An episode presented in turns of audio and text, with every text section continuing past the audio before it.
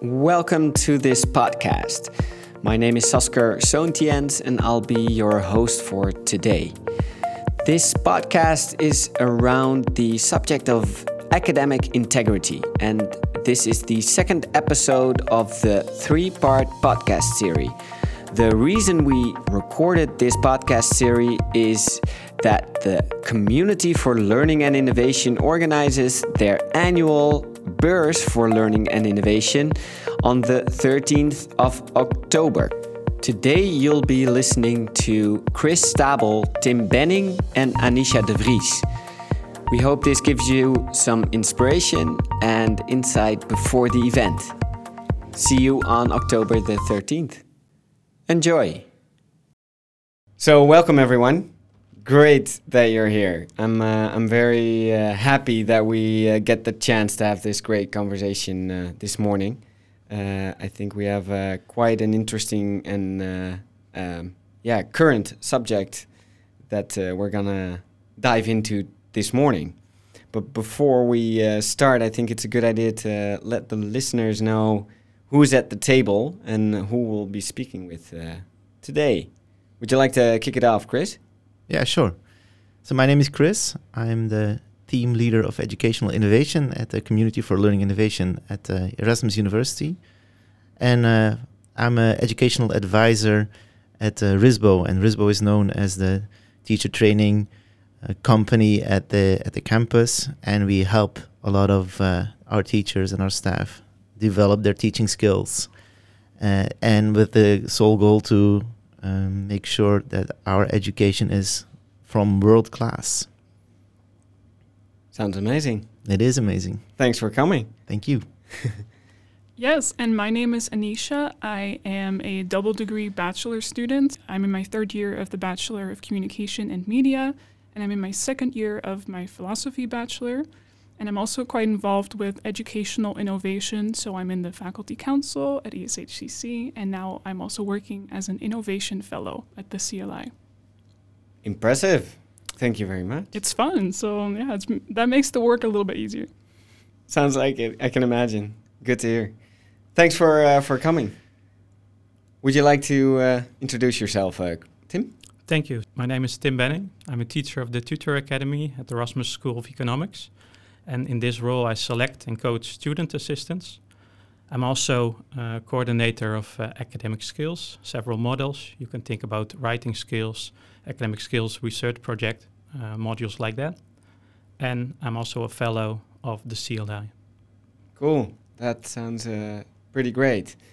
So you're uh, taking care of everyone's uh, academic foundational skill set here. Yes, that's what we do at Academic Skills.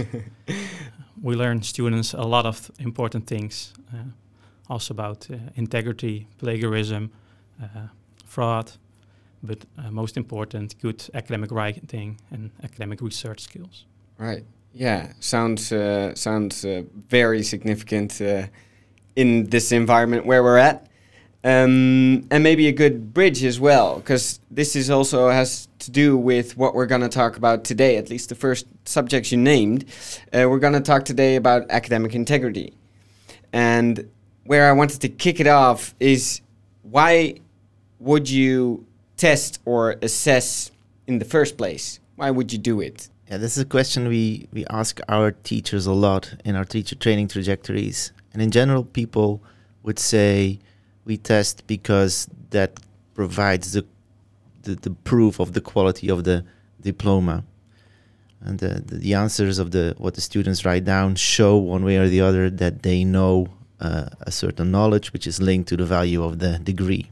But of course there's a lot of other reasons why people should test students. And i think one of the main reasons to test students is to make sure that whether or not you're a you're a good teacher or that your course is of high value. Because if you've been teaching for six weeks and apparently your students don't score too well on the test, it doesn't necessarily mean it's a bad student. It also could mean that the teacher or the course quality is not of that a high standard that you assume.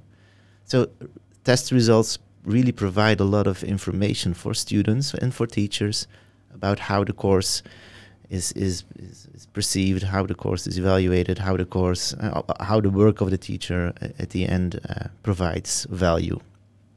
Um, but yeah, in general, what we know is that students basically are tested because they want to get a score or a degree. Right. That's interesting. I never thought about it being feedback for the teachers as well. Should be. It gives or provides very valuable feedback for teachers as well. So there's a lot of reasons why people, teachers, should be tested, or should be getting feedback one way or the other. I realized this when I was a student myself a couple of uh, years ago. I would like to become a first degree teacher uh, for economics. So I started education at VU University, a two year program. And then I realized that it would be very nice if you have an exam and you can uh, go for a very high grade. Of course, uh, several uh, years ago, about 20 years ago, when I was a student, well, that was important. but after 20, 20, years later, it was still important for me to uh, score such a high grade and try uh, to do the best. And there was an exam at that uh, time, and the only thing that you can get was a pass or fail. And yeah. it truly disappointed me. And I think uh, also students at our university at this moment uh, maybe have that same feeling. I'm not sure, Anisha, how do you think about that? Yes, I think in terms of testing, it just provides a foundation for um, for for verification and also to compare scores for students. So you know how um, how your work compares to that of another student, what your standing is within the cohort. Um, that is, it's essentially a means to an end of getting the diploma, but it's also an end in itself, knowing how you perform on a test uh, next to your peers.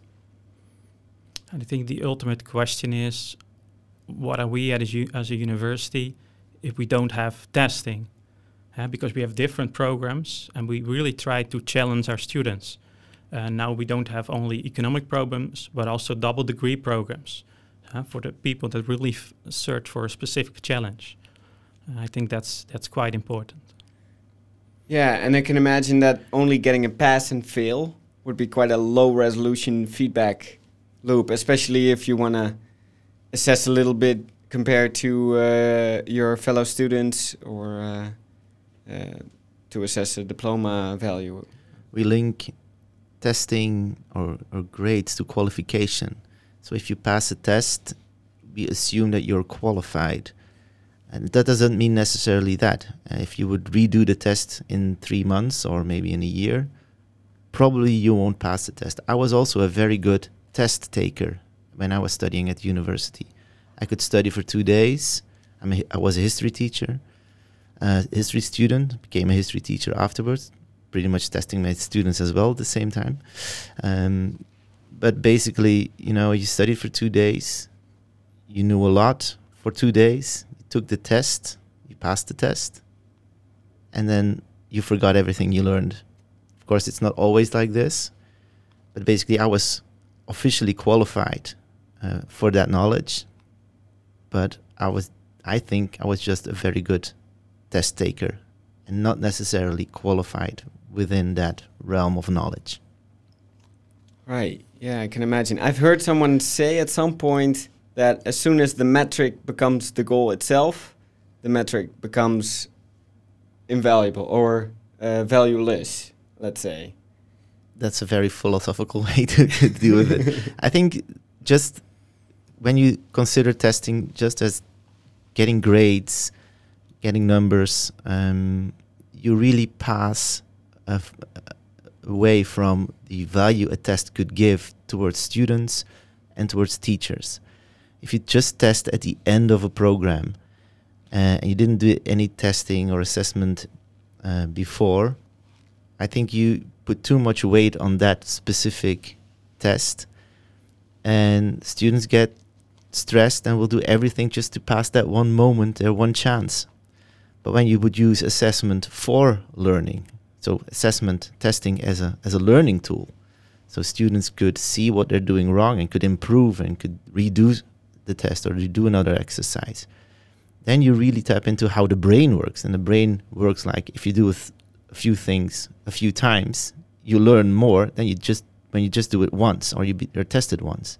So assessment could be used as a learning tool more than just a qualification tool. And this is something I think we should strive for. And uh, there's a lot of new uh, dynamics regarding programmatic assessment where there's a lot of okay, formative, informal t- testing assessment going on, providing students a lot of feedback on different moments within the program than just at the end. And I think that's very valuable. But then again, there's a lot of practical issues there. Will students then just become test takers and not students?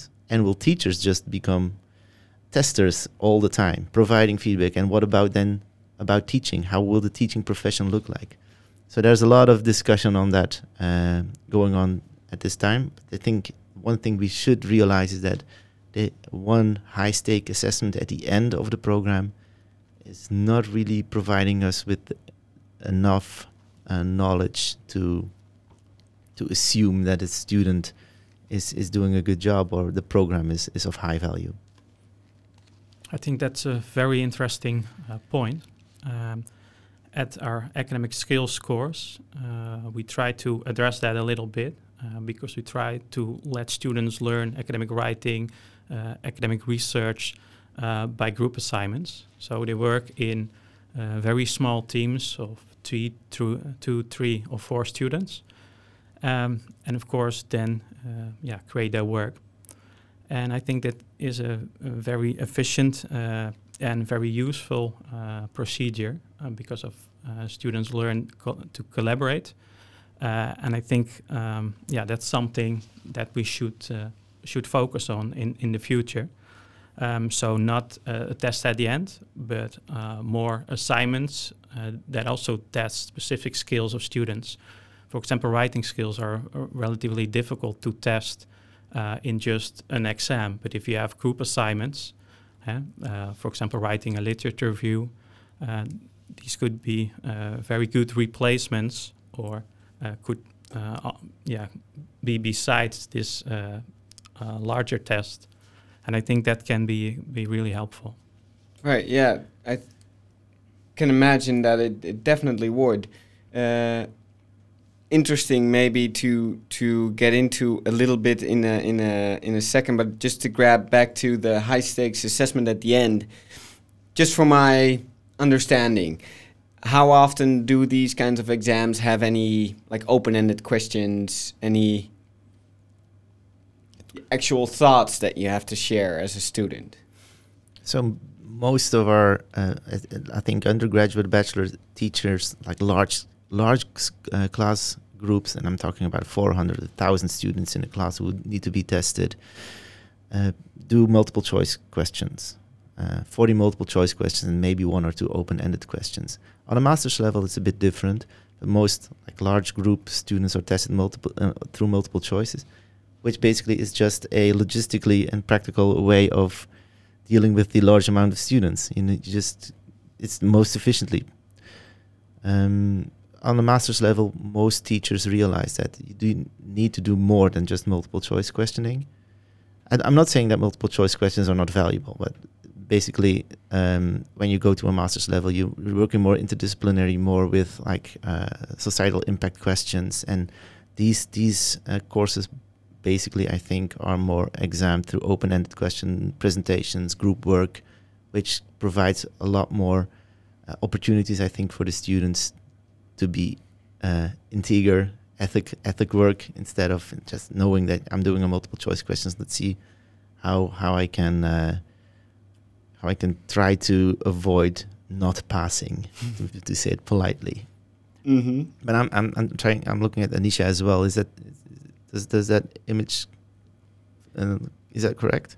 I feel like yeah, I recognize with multiple choice questions. I'm a bachelor student. I see multiple choice questions all the time, and I feel like this type of assessment it doesn't necessarily look into the into the application of knowledge from a student. It it looks into retention skills, and that invites uh, academic integrity because it's easier to to commit fraud or to cheat because it doesn't ask much of a student to um, to apply the knowledge they learned during a course, to really put the uh, put the concepts together and, and create a, a, a, new answer to a question they haven't seen before. A multiple choice question asks something completely different. It asks whether people remember what they saw in a course at one time and whether they remember a specific concept. And that invites for a totally different learning attitude from a student. Yeah, I think that's that's that's correct. Although there's a lot of um, research on good multiple choice questions, we know that basically it's very difficult to to uh, to, to write a good multiple choice question with good uh, uh, distractors. Um, and if you write if you if you have to write 40 of them then then it's then it's getting uh, uh, very difficult for a teacher to write down a, a, valid good test for for students so it's it's a lot of work and that's why uh, open-ended questions group work probably provides a lot more opportunity for the students to show what they know and and are able to do but then again for the teachers it's a, a lot more difficult uh, time-wise to correct all open questions and to do that uh, in a in a way that is consequent it's very difficult. It's a challenge. Maybe to add to that, if you have to create new questions again and again each year, then it becomes really difficult to find new innovative questions that are uh, different for from students that they do not just learn the questions by heart. Eh? Uh, so I think that's also uh, quite a challenge for uh, teachers in general and there therefore a couple of open questions uh, are very uh, useful um, and that's what we do in most of the courses it's mainly indeed multiple choice questions uh, but sometimes one or two open questions some larger open questions. And i think this is really beneficial for students because you do not only uh, test uh, the basic knowledge but also yeah give them the opportunity to think more creatively. Right. Yeah. It sounds like quite an intricate problem, especially since you would need an enormous amount of resources to manually check open-ended questions uh, for a couple hundred, maybe above a thousand students for uh, for a bachelor's course. I know many of the courses have a, a large database of multiple choice questions, and maybe from 300 to, to even more um, and we try to update that again and again. But it really becomes uh, difficult because you know, the thing is that you're more or less asking the same type of questions again eventually mm-hmm. after a couple of years. Uh, but on the other hand, if you have some good open questions, then you can still, um, yeah, stimulate students to be creative and really challenge them. I think. So. Right. Yeah, because I remember from from my studies that we also had that database. At least we would just collect that in a, in a kind of like primitive way. Uh, I'm pretty sure the current students are a lot more sophisticated even on, on that front. I remember that we would just memorize the multiple choice questions and we would recognize the variations and just get our test passed like that. So you also became a very good test taker. Exactly. Yeah, yeah, yeah for sure. Yeah, I think that's the biggest problem eh, with the kind of test that we have is that you uh, train to be a test taker, uh, yeah. but you need to test many different skills and also maybe uh, communicating, collaborating, things like that. Yeah. Um, and also, of course, your knowledge, but you should also be able to apply that knowledge. And with multiple choice tests, um, I think they lack that possibility uh, to some extent. Yeah, yeah, I can imagine. What what I also would find a, sh- a shame is if instead of that thousand people that you can educate, you only have the resources to do a hundred. That's the other side of the equation, perhaps. That this way does allow you to educate a thousand. I think this is one of the only ways uh, to provide that education for so many students. Uh, this year, uh, for the IBEB program, there are many more subscriptions than in previous years. So I think this is the only possibility to deliver good education. And yeah, there's a little bit uh, of a drawback in the testing, uh, but that's difficult to avoid, uh, in my opinion. Yeah. What what strikes me though is that a lot of students do not have a big problem with uh, with testing it itself because they consider it also as a rite of passage. Uh, they they feel that it's part of the of the education program, of course, and of course, we, a lot of our students they study well, they're highly talented, and we, we cannot say that most of them would cheat if they get the opportunity. I think 99% of all our students would do everything to pass a test, and they would study well, and they would do uh, their utmost um, and they consider passing a test as a as something important. So I think yeah we should not be too m- negative about uh, the high stakes assessment, but we should realize that there's uh, some students out there due to con- to, to circumstances uh, that might uh, take advantage of the fact that uh, you know there is opportunity to to to defeat the system I yeah. also feel from a student perspective, it's not so much uh, the testing that I have a problem with because it is a very helpful th- way to to challenge your own knowledge. Um, it's just the lack of feedback moments mm-hmm. that I think is a problem because then the goal of the test becomes to get a good grade, and it's not so much about the knowledge; it's about the result. Mm-hmm. So by introducing feedback moments and not having the high stakes assessment, but having multiple lower stakes assessments, that way you at least get to learn from your mistakes as a student and move forward, and then it becomes about much more than the grade for a test. I'm involved in a course that tries to address this. Um, so we have, after each uh, tutorial session, or actually at the beginning of it, uh, a short test. It's about organization and strategy. And, and this is a test based on open questions. And these are similar questions or uh, related uh, to the questions uh, that are asked at the exam. And in such a way, we try to uh, give students the opportunity to really practice uh, for the exam. And they do it, um, yeah, I think five weeks after each other. And eventually, uh, this also gives us, uh, as tutorial teachers, uh, the teaching assistants control, uh, to check their work. And eventually, they see how good the specific student does. And eventually, if they have about um, three uh, or four of the assignments correct, then they get an additional open question during the exam. Uh, and I think we try to uh, address this problem uh, in this way. Yeah, so more open questions, uh, more uh, testing in the meantime during the block. Right. Okay. That sound that sounds like a very interesting initiative. I think learning basically is, and that's what research and learning gives said learning is effort and feedback. So the student should do the effort and the teacher should provide the feedback. And basically, if we could do that in a course, one way or the other, I think we are helping our students to learn and it's helping our teachers to teach.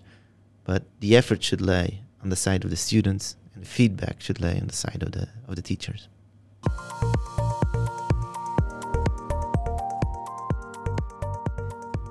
Maybe it's this is a nice bridge to to a hypothetical. What uh, uh, let let's say you wouldn't test at all. What what would a diploma be worth in that situation? So the the reason you you educate yourself or you go to the university or to a school, uh, a, a, Dutch educational philosopher Biesta says you go to a to a uh, university to to become qualified. It's qualification. It's a socialization and subjectification. So if you take out the qualification, you still have socialization and subjectification, which is a part of the of the learning process at the university. So socialization means you know how to become part of a group and how to act within a group and what are the normal social structures and behaviors that fit that that uh, that group. And subjectification means like uh, the you become yourself. You know your own values, your own goals, and and you, you learn a lot about yourself. So if you take out uh, the the testing part, still I think being part of a university or a school or a, gr- a group is very valuable for uh, becoming an adult. Completely agree. yeah, interesting. A, a cool division to put it like that. I didn't. I didn't come up with this. It's. No. Still works though. It should, every teacher should read that because it really provides a, a good perspective on what you can do as a teacher within your education. So if you focus on, on knowledge and and, uh, and testing, you miss out on a lot more opportunities you can you can provide your students. And I think the new strategy of the Erasmus University is also about this societal impact, and becoming an Erasmian instead of uh, just becoming a good test taker. Ah. Could you repeat the philosopher? Biesta. Biesta. Okay. I also feel that for students, um, if you take out the testing of the entire university process, um, I feel, at least for me, university is still a place where I get to make mistakes and learn from them before moving on. So that has nothing to do with testing. It has to do with the group process, how I socialize with the people around me, what my place is within this university, and that goes beyond testing. It's a it's a way of of, of well, um, so all in all, it's it's more about um, how should I say this correctly? Um, yeah, it's a place to make mistakes. It's a place to try things, and a place where it's okay to fail, and that goes beyond doing a test well or not. Really, you should explain. All teachers, all the university should explain what good scholarship means. And good scholarship means that your you experiment, you fail, you try it again, uh, you write it down, you test it again, it works, it doesn't work anymore. You read, you rethink your process. This is how experiments uh, work, also in in real life. And scholarship is not only about becoming uh, a great database of knowledge. Scholarship is also about attitude. It's also about um, yeah failing and and fail better again, as a famous philosopher here at Erasmus University uh, proclaims.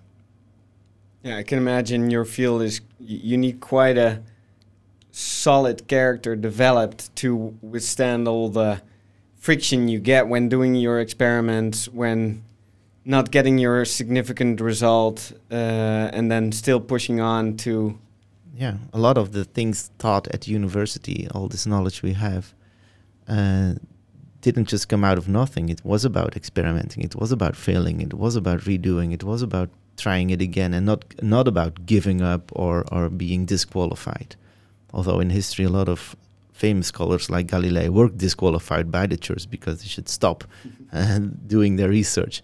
But I think in the last few years and centuries, um, the, the things we know now are are based on uh, curiosity and and and uh, experimentation.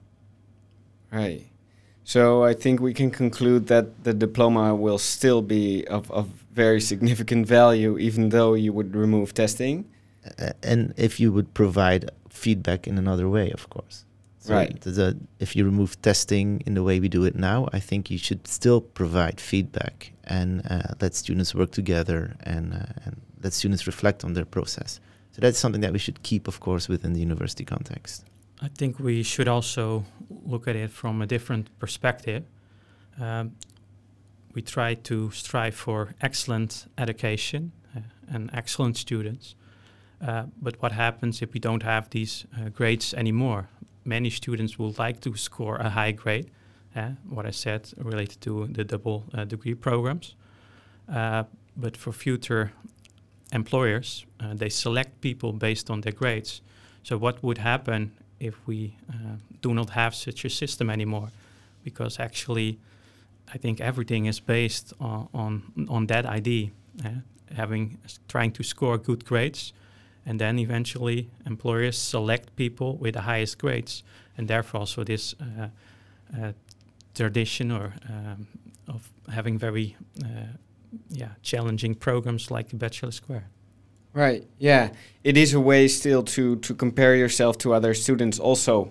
Uh, when you're expressing yourself to potential employers or uh, yeah it's, a, it's about the credibility and the rigor of a degree program and this is what uh, employers look at of course, you're not going to hire a, a, a student that is not qualified or c- cannot show one way or the other the skills or the knowledge he or she has. Mm-hmm. So yeah, we should really rethink assessment and, and education in a way that we maybe do not focus too much on this high stake assessment, but focus much more about on the effort the student puts in and on the feedback and on the subjectification and the socialization of the process.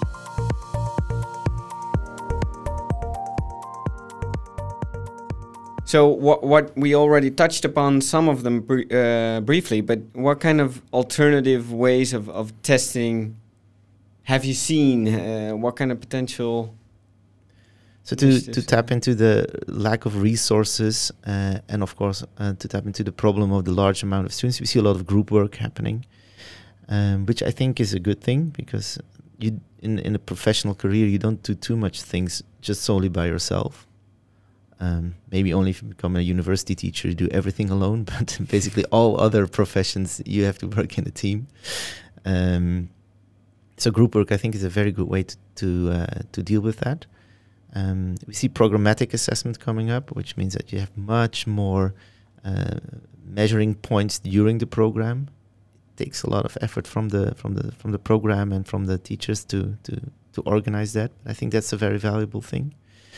Uh, and people are trying also to work with self-assessment in a formative way, um, and and of course peer uh, assessment, which still needs to work on its uh, credibility because, of course, you need to assess your friend.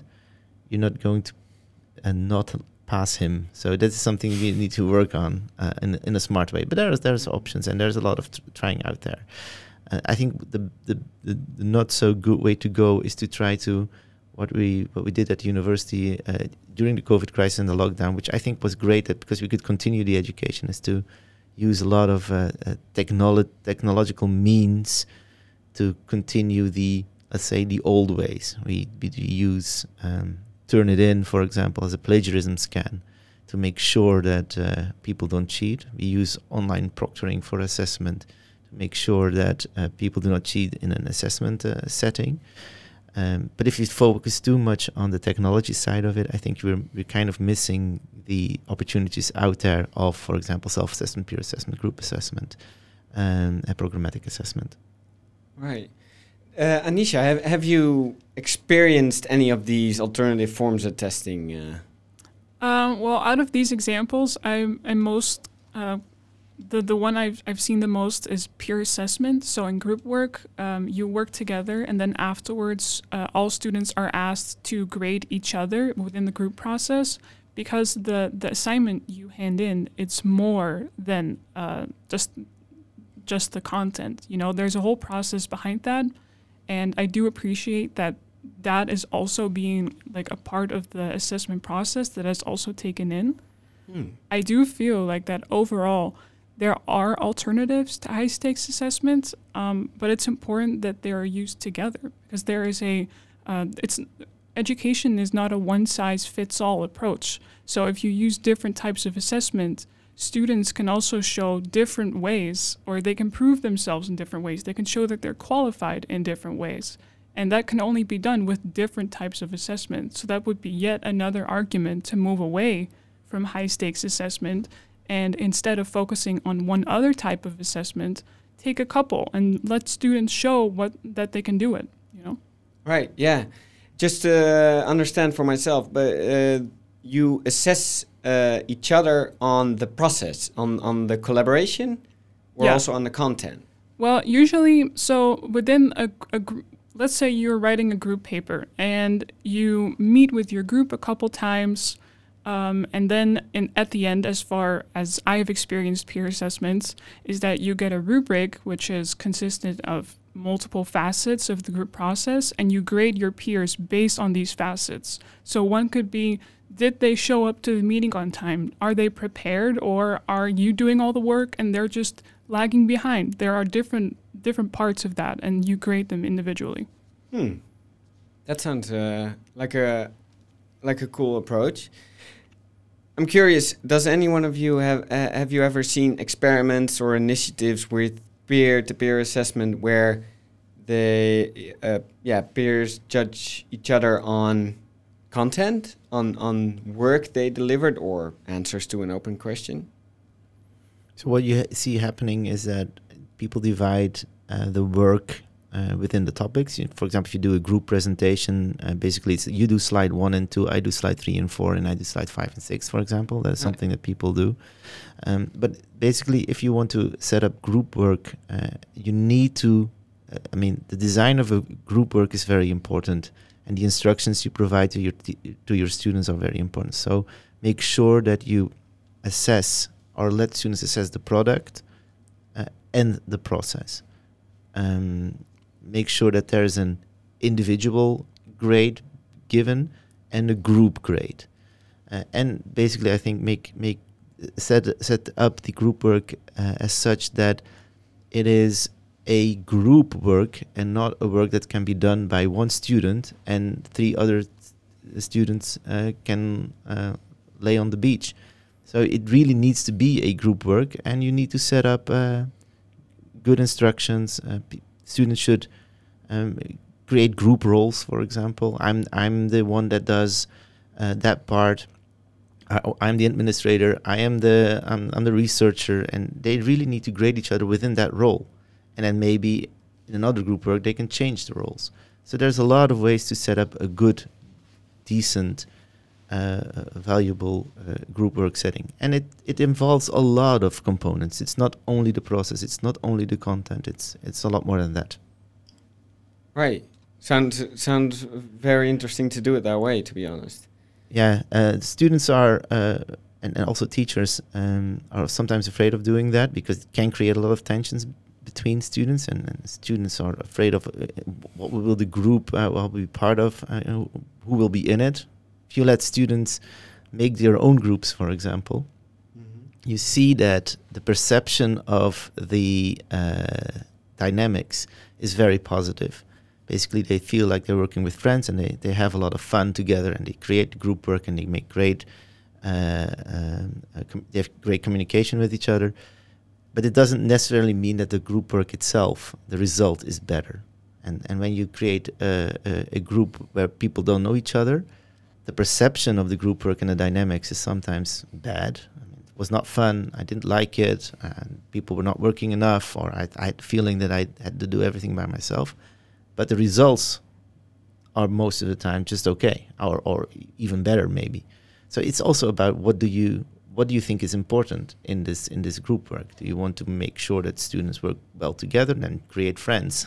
Or you want to make sure that the result is uh, is, is is the most important then uh, then it doesn't matter that much how do you how do you set up the group. I don't know if if anisha or, or tim share that idea. I know from uh, recent research for my uh, CLI fellowship, uh, in which I measured students' preferences uh, for measure uh, for methods to reduce free riding. Um, but the the thing is that students really don't like to be put in a random group, and the reason is that they have serious problems. Uh, some of the students within their team and this can be quite severe. Sometimes uh, they really have anxiety for their grades, and then we're back at the grading system.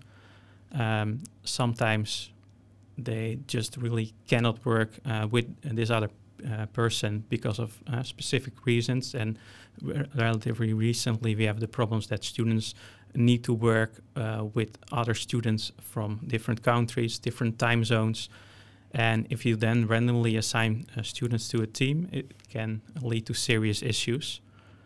Um, so, also in this research, they uh, there are preliminary results, but we see that students really uh, dislike to work in a team that is randomized. Um, if they can select team themselves, uh, that that's fine for them. If we try to uh, assign them based on, for example, motivation and time availability. Yeah? So when they have the time to work together, that's something that they like more.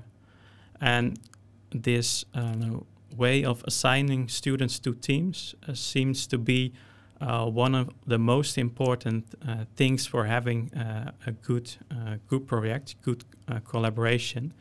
Um, if you look at other factors that could be relevant, eh, like uh, team size or, or peer uh, process evaluations, and I especially like to uh, let students focus on the collaboration between uh, them and not necessarily uh, the outcome of the work that they delivered, but really the, the process. And if you look at, um, on the other hand, um, uh, methods to reduce free riding, uh, then this team selection or team assignment procedure is, I think, one of the most important things for students. And then uh, there's a very strong dislike uh, for randomly uh, assigned teams. And I, I also recall a lot of stories from from my friends where that had to do a lot of group work. They they would come back with these kinds of problems. Uh, yeah, I had many conversations with, with students, uh, and we try to set up a group project in such a way that we really try to reduce free riding. So what we do compared to what is uh, a normal situation of having groups of four or five students is that we try to have very small teams of two or three students because the, in my opinion, the smaller the team size, uh, the less free riding problems that will happen eventually. Um, but there are also factors that we also try to take into account, uh, such as indeed peer uh, evaluations, and then based on the process. So, in for example, weeks two and four, uh, students um, score each other and give each other feedback on how, um, yeah, they've worked so far, and this really helped. And if there is a problem, then uh, we have um, a method uh, to report free riding. We call it the reporting system. And uh, the idea is that if students really have the perception, the feeling that uh, one of the students doesn't deliver a fair share, and if that's the case, then uh, they should, of course, first discuss it within the team uh, to have a good team atmosphere. But if that still doesn't work, they can report it to the teaching assistant, and the teaching assistant will have uh, a discussion with the entire group and try to solve the problems and gives advice on how uh, that can best be done. And eventually, if that not, doesn't work and there's truly free ride, riding and someone doesn't uh, contribute enough, uh, then I will have a conversation with them. And there are several methods to uh, that are announced before the course starts and to really try to to reduce it. Um, and that's, for example, uh, a member expulsion, uh, a grade reduction, or a combination of that. Uh, sometimes yeah, you can also use some kind of two uh, card system. So the first time uh, that someone uh, has a warning and doesn't uh, deliver a fair share after uh, a couple of days to try to improve uh, the work, then it will lead to um, a yellow card, and this is a great reduction, for example, 5% or 10%. And if it happens again, uh, then you have uh, a member expulsion. So if all the other team members think, well, this is not uh, okay, we cannot work like this, uh, then the student will be assigned uh, to another team. And usually it means that the student needs to work alone. Uh, but sometimes, it, um, I've talked with the examination committee, it could be an idea if you have um, multiple free riding problems in different groups that you put the free riders together uh, so that you can still have um, yeah, teamwork. Right. Okay. So you have very clear repercussions, very clear process you go through to assess a situation. I think it's very important uh, to make everything clear before the course starts, and then students know uh, how, what the possibilities are. Um, that there can be some kind of punishment, and in such a way we try to uh, improve uh, the group work because if you have less free riding, less collaboration issues, eventually uh, this leads to better learning and better uh, yeah outcomes. Yeah, I can I can imagine.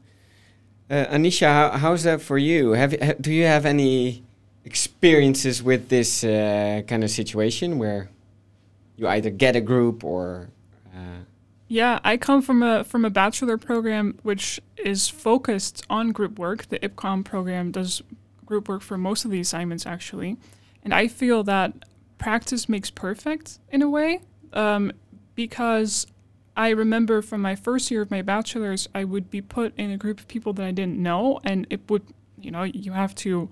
Uh, there is always a hierarchy, and you ha- kind of have to figure out the group dynamics. But it gets easier over time. The more it happens, and you get to learn, you get to know some new people.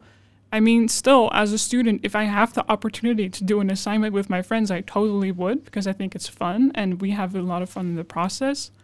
Um, but with group work, if it's repeated, um, especially with a group of new people, the easier it gets over time I do think it's a very interesting idea to put people together based on their their time availability and their commitment to the assignment because that I think is how the biggest problem that students perceive when it comes to group work when you have no control over who you're in a group with um, that raises the question of what if I want to get a really high grade, but my team members aren't as invested? You can still pass the assignment, but then is it as is that grade as high as you want it to be, and is the paper as good as you want it to be? So I think it would be a really interesting thing to focus on that as well, to have it not be fully out of control, but still um, be in a in a somewhat new group of people. Right. Yeah. So meet somewhere halfway. Yeah, it doesn't have to be one or the other. Yeah. Something I also would like to mention is, of course, uh, randomized group uh, groups are used for a specific purpose. Eh? Uh, we would like to uh, let people work uh, in teams with people from very different backgrounds, and that's also a learning experience because mm-hmm. students then learn how to collaborate in a team, which is one one of the most important uh, skills later in your career and also as a student in your student life. Right. Yeah. It it sounds interesting to me. I, I'm very curious how you look at this. I can imagine that you have a awful group process. That you have an awful collaboration. Uh, it, it's friction all over. But that might just be your biggest learning experience. But you'll get a low grade, so it it'll so that's look like you're bad at it. If you keep on connecting learning to grades, I think you're you're thinking it about you're thinking about university the wrong way. I think we basically see a lot of connections between I learn a lot and I get a good grade. So so I get a good grade, but that's not necessarily the case. You can learn a lot by getting a low grade. Uh, uh, so it's it's also about feedback, of course. Afterwards, it's about self-reflection. And in a group work, I think what is very important, even when the dynamics is very bad, and I think they should do this in every group work, is set up a debriefing. Uh, I don't think that happens a lot. If you if you if, if you completed the process, you finished the product, sit down together again and discuss with each other what went well, what didn't went well, and then you learn.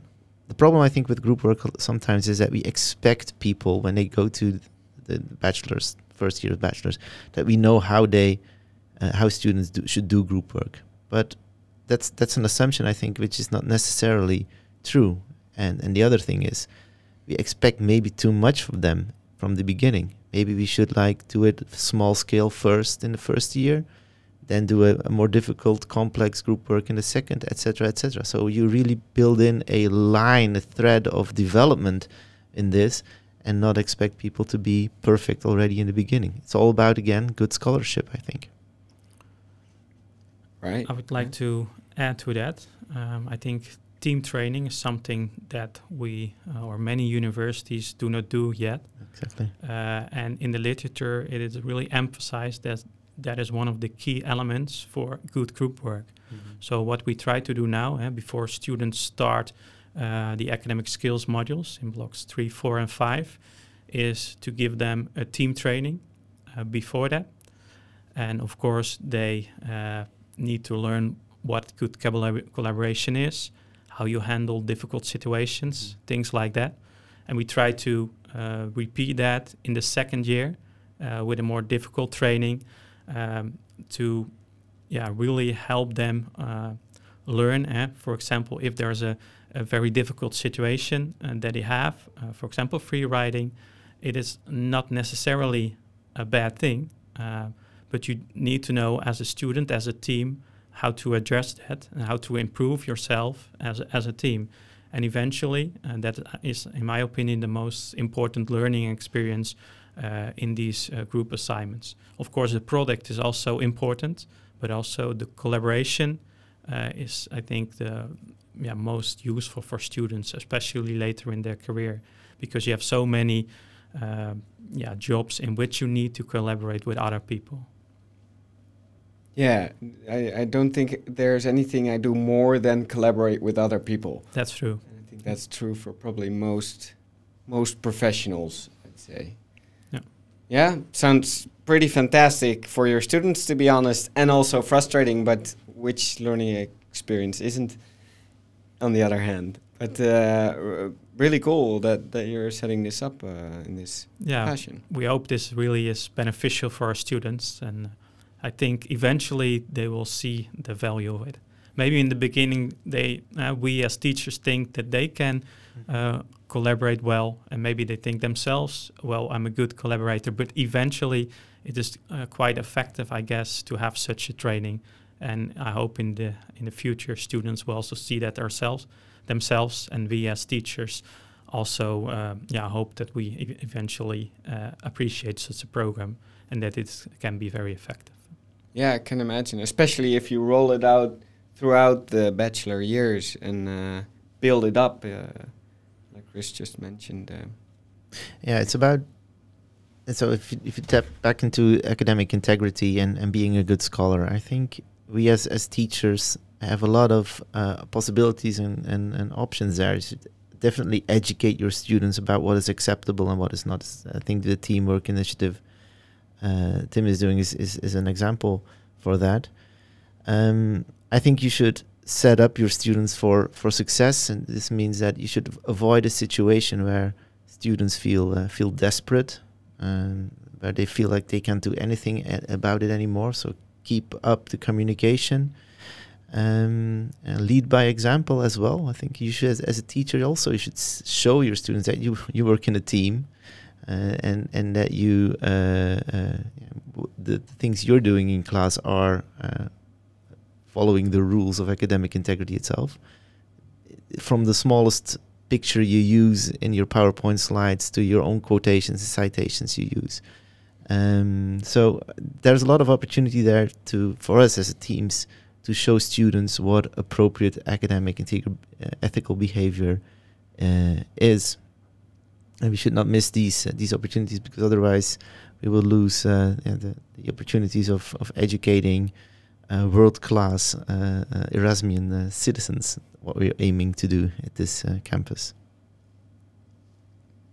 Can't imagine. Yeah, it uh, it it looks like still an intricate, uh, complex challenge.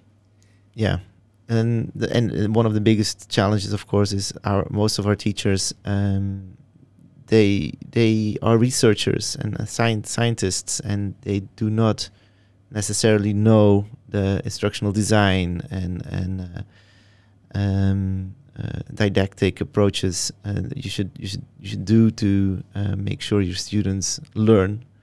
That luckily a lot of uh, expert teachers and and support is out there to help teachers to set the next step. And yeah, use these things. It's it's great what Tim is doing, not only for his uh, students and uh, in his school, but for the, the lessons learned to spread it out over the the campus is something I think I hope you will do. definitely as being a fellow. Um, but also students like Anisha should help us uh, open up our eyes and, and see that uh, what are our responsibilities and how we should help students to uh, to become successful. Yeah, think you'll you'll definitely need uh, everyone to work together It's, a and t- it's group work.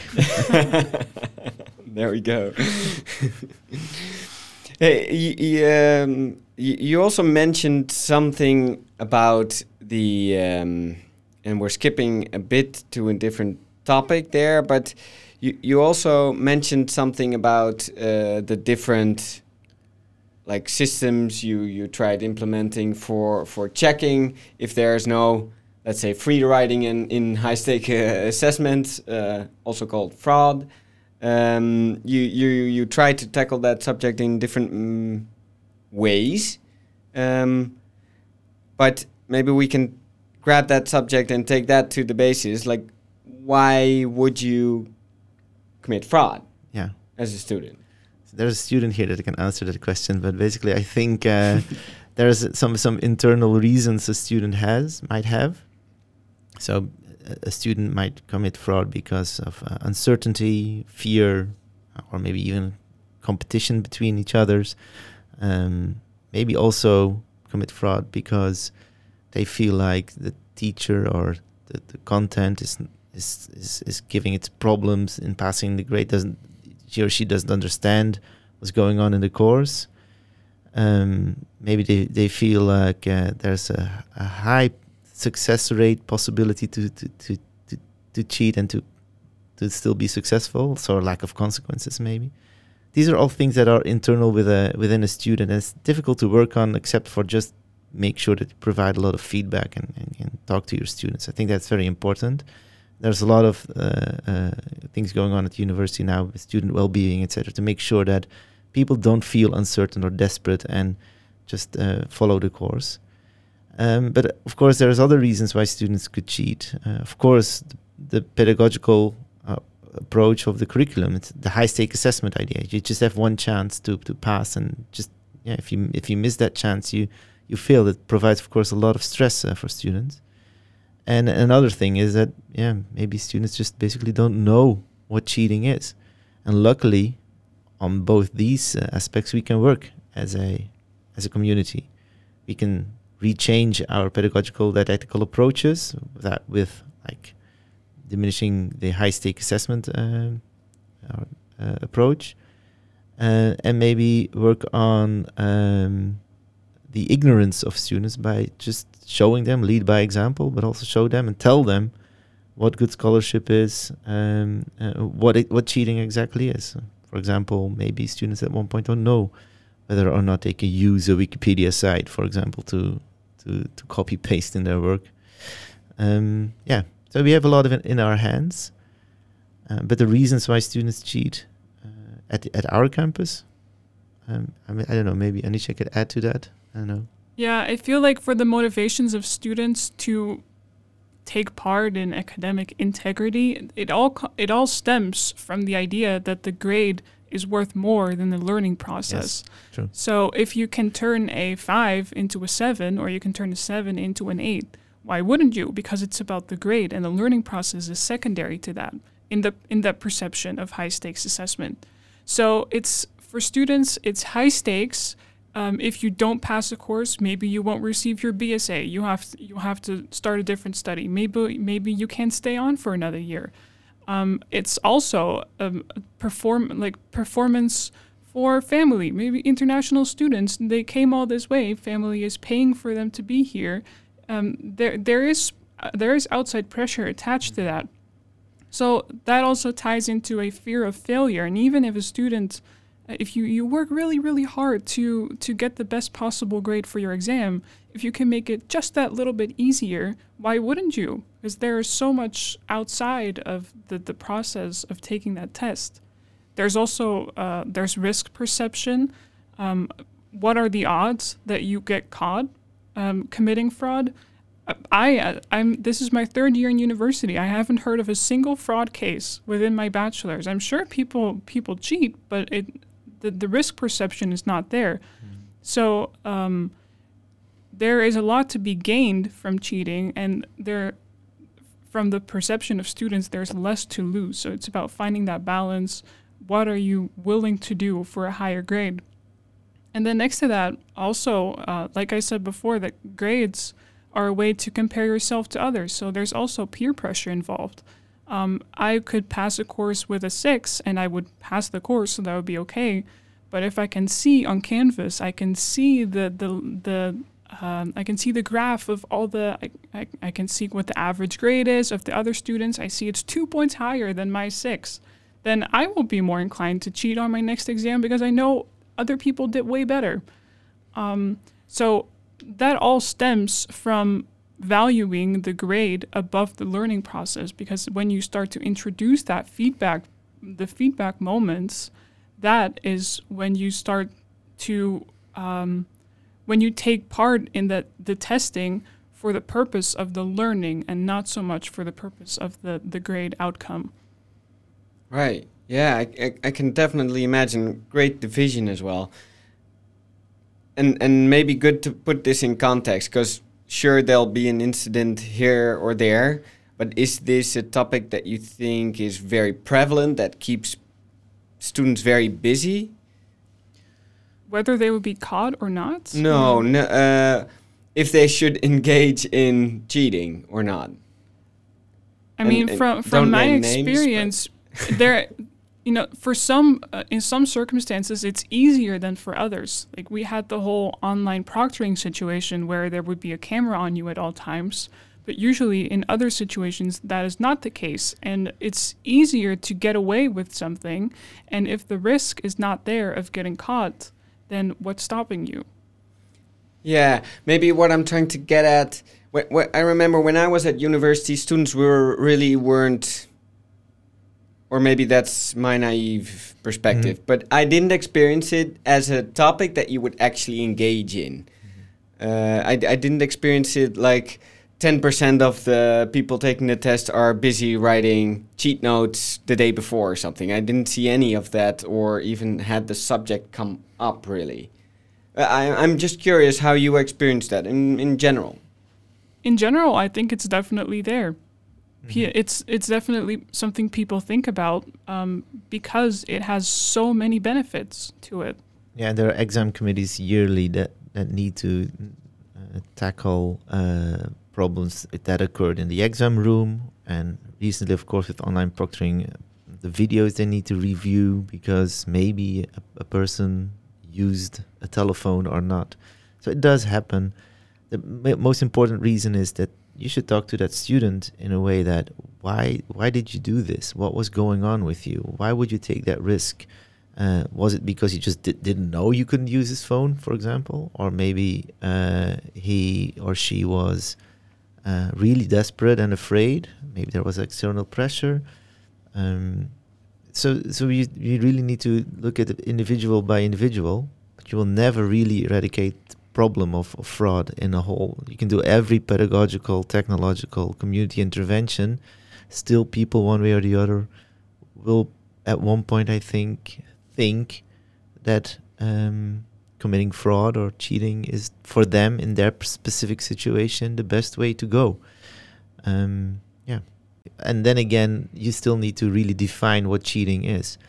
Um, if if uh, as I said, as I as I mentioned, is for example, what happens a lot now is that people sell notes to students. Isn't that a way of cheating as well? Because you should learn by yourself, making your own notes, processing the knowledge your own way. But then you, when you exit the, uh, the classroom, you can just buy notes from somebody else. Isn't that a way of cheating the system? So you can really think of what cheating is. Yeah, interesting point. Because then you would say you can only use these sources. Yeah. It's, yeah, But that can also be seen as some kind of collaboration. entrepreneur. Group work. One created, Group work, yeah. one creating the notes, Yeah, I- a- and the I- other one. Uh, I yeah. use I use the no- notes of my girlfriend and my friends in the university as well. So uh, Yeah. there's no problem with that. But there are teachers that think that's that's um, problematizing their their teaching approaches. So so they think that their students really have disadvantage in the learning process if they just sit down in class, watch the lecture, and then buy somebody else's notes. Um, so that's it's, it's a difficult question. What is what is fair scholarship then? And that's about the community approach you need to do. With it. Explain to your students what do you expect as a prop- appropriate behavior and what not. Um, But yeah. maybe another question: uh, What do students think about it themselves if they cheat? Because Mhm. you, you, for yourself, you also don't want to be a cheater. hmm So I think that there are also many uh, students that do not cheat, and it's only a very Yeah. small percentage. For Yeah. example, if you look at the number of plagiarism cases in our academic skills course, uh, there are only yeah a couple of them in the entire year, and usually uh, in block three, uh, then you see some copied text uh, in the assignment, uh, but then we give them a warning, they can change it, and if they do it again, they have a very big problem, and uh, yeah, we send them to the examination committee. But that doesn't happen that often, Mhm. especially in block three a couple of times. Uh, but then in block uh, five, uh, we almost have no cases about that. Uh, but that's of course a little bit different uh, than uh, cheating in exams. Mhm. hmm. I feel like no student goes into university thinking I'm going to be cheating my way through. And even if they do cheat once, it's not something that they will do every single time. There's always external factors involved that would make it where a student perceives cheating to be a necessary component of getting the grade they need to get. Um, so I, I think it, it depends on the student and it depends on the circumstances. And there's there's no general attitude of students that want to cheat. So we should not uh, change our curriculum or our teaching approaches towards the idea that uh, we we teach in front of a group of fraudulent monsters. That that sounds unlikely uh, to me too. Some teachers be, behave or uh, uh, like that in, in teaching trajectories. They say like, "My students are," and then maybe that's Yeah. that's not the right way to see your yeah, to the pe- look to the people you're working with Yeah. so closely. And and also there there's a challenge since you might experience a whole lot of things that will give you an opinion like that, at Mhm. least for a brief moment.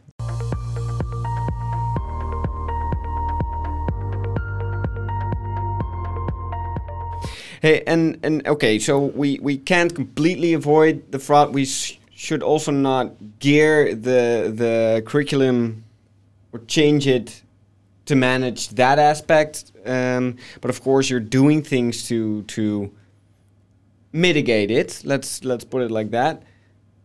What what what? Yeah, maybe give a brief overview. Well, what kind of things are you doing to to mitigate cheating? Of course, you have like someone in the room when it- there's an Yeah. exam taking place. Yeah, we have the the, the, the live proctoring in the, the, the large exam rooms. Uh, we have the online proctoring technology. It's the technology technological interventions I talked about. yeah. plagiarism scans, of course. Um, uh, a- I think what we're doing not too often at the campus yet, but I think we should make huge steps in that is to communicate clearly towards our students what appropriate behavior is. Um, what is good scholarship? What you expect from your students? What can they expect from you as a teacher? Of course, um, make sure that they are trained and educated in uh, what inte- academic scholar scholarly behavior is. Um, and there's a lot of approaches within the curriculum structure, I think, that you can do as a teacher to make sure that people not at one point feel desperate, as I mentioned before, uh, avoid high stakes assessment, or maybe high stakes assessment you can do, but combine it with low stakes assessment. Uh, as, as Anisha mentioned, use a large variety of, of assessment and testing, provide a lot of feedback. Um, so there is a lot of things we are doing now uh, at, at campus, I think, in a, in a very good way. Um, and yeah, let, let's hope that impacts uh, our students as well. The one uh, most important thing I should, I think we should do is also to protect the integrity uh, of our students. Um, so online proctoring with showing the student card or your number, your passport, and knowing that these images maybe will be spread around the world. Uh, these are also not things that f- make sure that students feel safe at campus, and that's something we have to work on as well. So we should protect the rigor of our uh, academic program, but we should also protect the integrity of our students, and that's that's I think the fine balance we we need to look up. yeah. We also train students in our guidance program, Bachelor One, to do the right things by means of a dilemma uh, game app. Oh, cool. And then Yeah. they uh, have certain dilemmas and discuss with each other, also about fraud, plagiarism, eh, and uh, what to do in certain cases. And by doing that, um, yeah, we really emphasize uh, the the good things. eh. And first they think about it. So what should you do? And then eventually they have an idea what is the the right thing. And then again, their mentor uh, explains what we truly expect at Erasmus University Rotterdam. Right. That sounds that sounds terrific. Does every student get this course, or is it It's for a compulsory uh, course. It's a guidance course in Bachelor One for uh, economic students, Bachelor Squared students, um, IBEB students. So uh, all students at ESE uh, will get that program. Also, the econometric students. The most important tip I gave as a teacher of the Tutor Academy when I do the tutorial visit is in the first tutorial to use name tags so that the teaching assistants know all their students it make, makes contact more personal and uh, yeah you see that students really appreciate that Yeah, yeah, clever, clever trick. yeah for Yeah. sure Yeah, I'm I'm I'm looking at maybe outside of, of the university itself, have you seen any initiatives outside of your university where you say like yeah that is something that really caught my eye surprised me or impressed me or something that gave you new insight so i have a lot of contacts with uh, arizona state university which is a, uh, a very highly ranked research university at, uh, in the united states. Uh, we're close together with their online teaching program. Um, and maybe this is, this is a bit surprising or, or, or a bit uh, disappointing, but although they are considered to be the number one most innovative university in, in, the United States, they basically deal with the same things we are dealing with how to set up good group work, how to deal with uh, uh, or uh, unethical behavior of, of, of, students, how to set up a good uh, course, how to deal with assessment for learning. So the challenges we experience here, they experience themselves. So there are no like magic tricks of of uh, solving a a problem here. Basically, what is the problem we are trying to solve? That's maybe the good question. Um, no, I, I I haven't seen any really big eye-opening uh, uh, interventions the only thing I can see, I, I see returning all the time is good, holistic, instructional design. Thinking about the goals of your course, the learning goals you want to reach with your students. Set up a good uh, program around these goals with good learning activities, which are based on the learning goals, and then find a way to assess the progress, provide students with feedback and make sure you evaluate this. The, best thing you can give a, a teacher is, I think, an evaluative mindset to see whether or not things are going as planned. Um, so maybe in short, I could say like good instructional design would always be um, uh, successful. How about you, uh, Anisha? Have you seen any anything outside the university where you think, or Tim, uh, where you think, yeah, that that would be at least great to see an experiment of here? Um, well, I think we we've touched upon it a couple times now, but I just really appreciate a variety in testing methods mm-hmm. that I do see at other universities where I feel like um, you know you need to have the, the logistics to make that happen um, but I think that at least would be a step in the right direction. I feel like if you look at academic integrity and why students would commit fraud, that's a system problem. It's not necessarily an Erasmus University problem. Um, but there are ways you can at least diminish the issues, and that would be by having that variety of testing. Right. Yeah. I can even imagine that that the if you kept the high stakes assessment and supplemented it with different forms, that you'd be triggered to engage with the course a lot more often. And then the high stakes assessment usually isn't that much of a deal since you've been through it a couple exactly, times yeah. by then. Mm-hmm. Yeah, sounds sounds like a really great way to put together a study. H- how about you, Tim? Uh, I like the idea of uh, peer assessment uh, for the group work. Um, but it's still difficult. I'm not quite sure if you can do that eh? because uh, now we train uh, the student assistants to grade the assignments. But the idea is, of course, they are also students, often uh, only one or two years older, eh? in bachelor two or 3 mm-hmm. Uh, but it, it, can be uh, quite efficient if we have such a system. Right. And now, looking in the literature, uh, if we try to find approaches that that could work, uh, but I'm not not quite sure yet. The main focus is how to uh, yeah create good uh, group projects with uh, specific factors and what we uh, talked about, and especially the the way how you uh, assign people to a group, um, especially.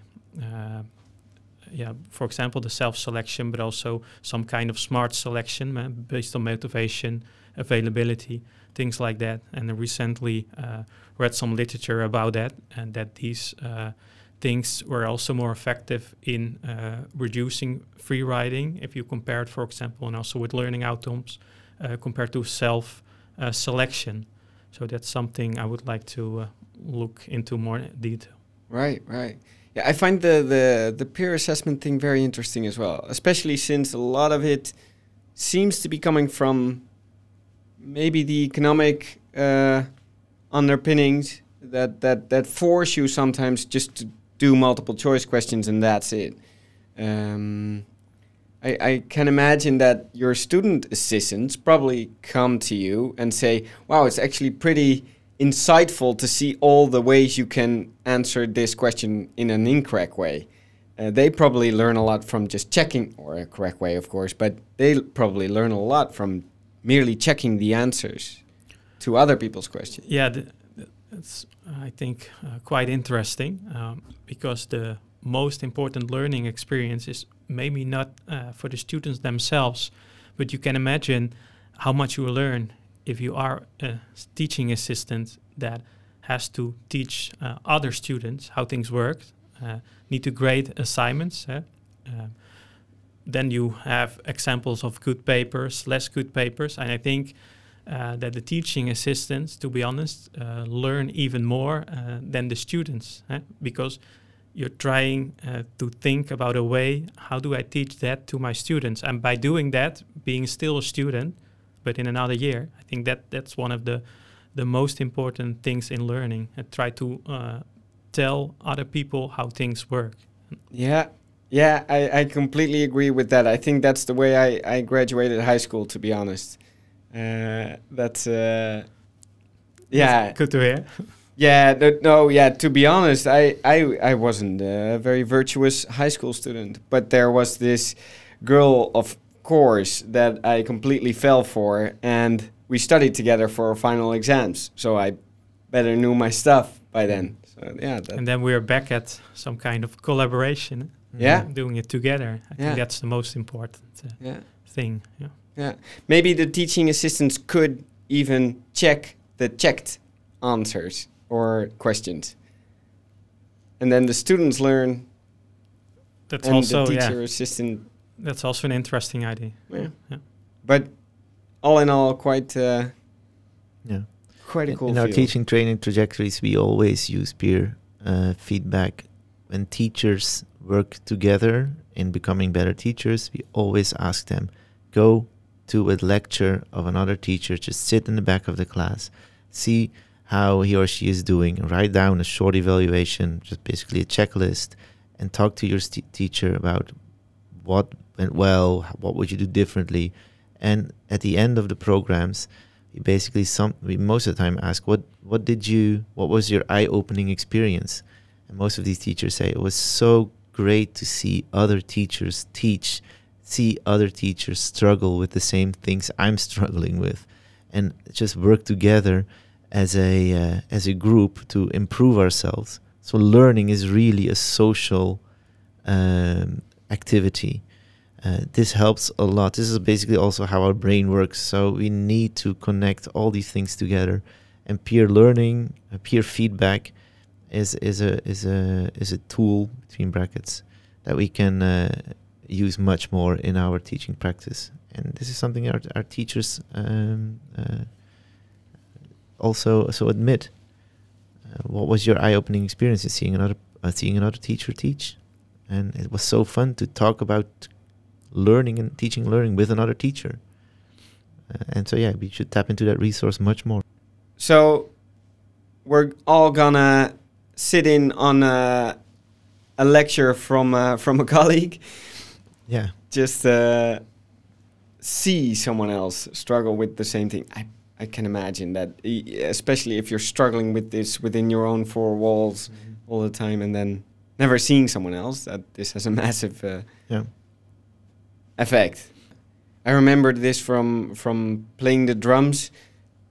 When I started recording myself, I found it awful, god awful. It was not not fun to be honest. I don't know how you experienced that. I agree. It's it's not fun. It's sometimes really confronting to see yourself because you. Uh, I give a, a, lot of feedback to all the teaching assistants, uh, and then uh, you say to someone else. Uh, you, you, can do this and this, and you did that good. I use some kind of tip top model. Huh?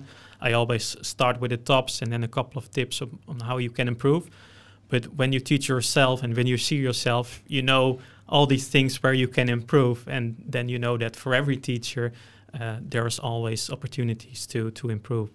Um, but if you watch yourself, you can also detect uh, the blind spots? Things uh, that you you do not see, or if other uh, people give you feedback, then also you can um, yeah determine something uh, that you would not uh, find before. And these blind spots, trying to find them, working on them, that's very important to be a, and be be an, a good teacher and improve yourself again and again.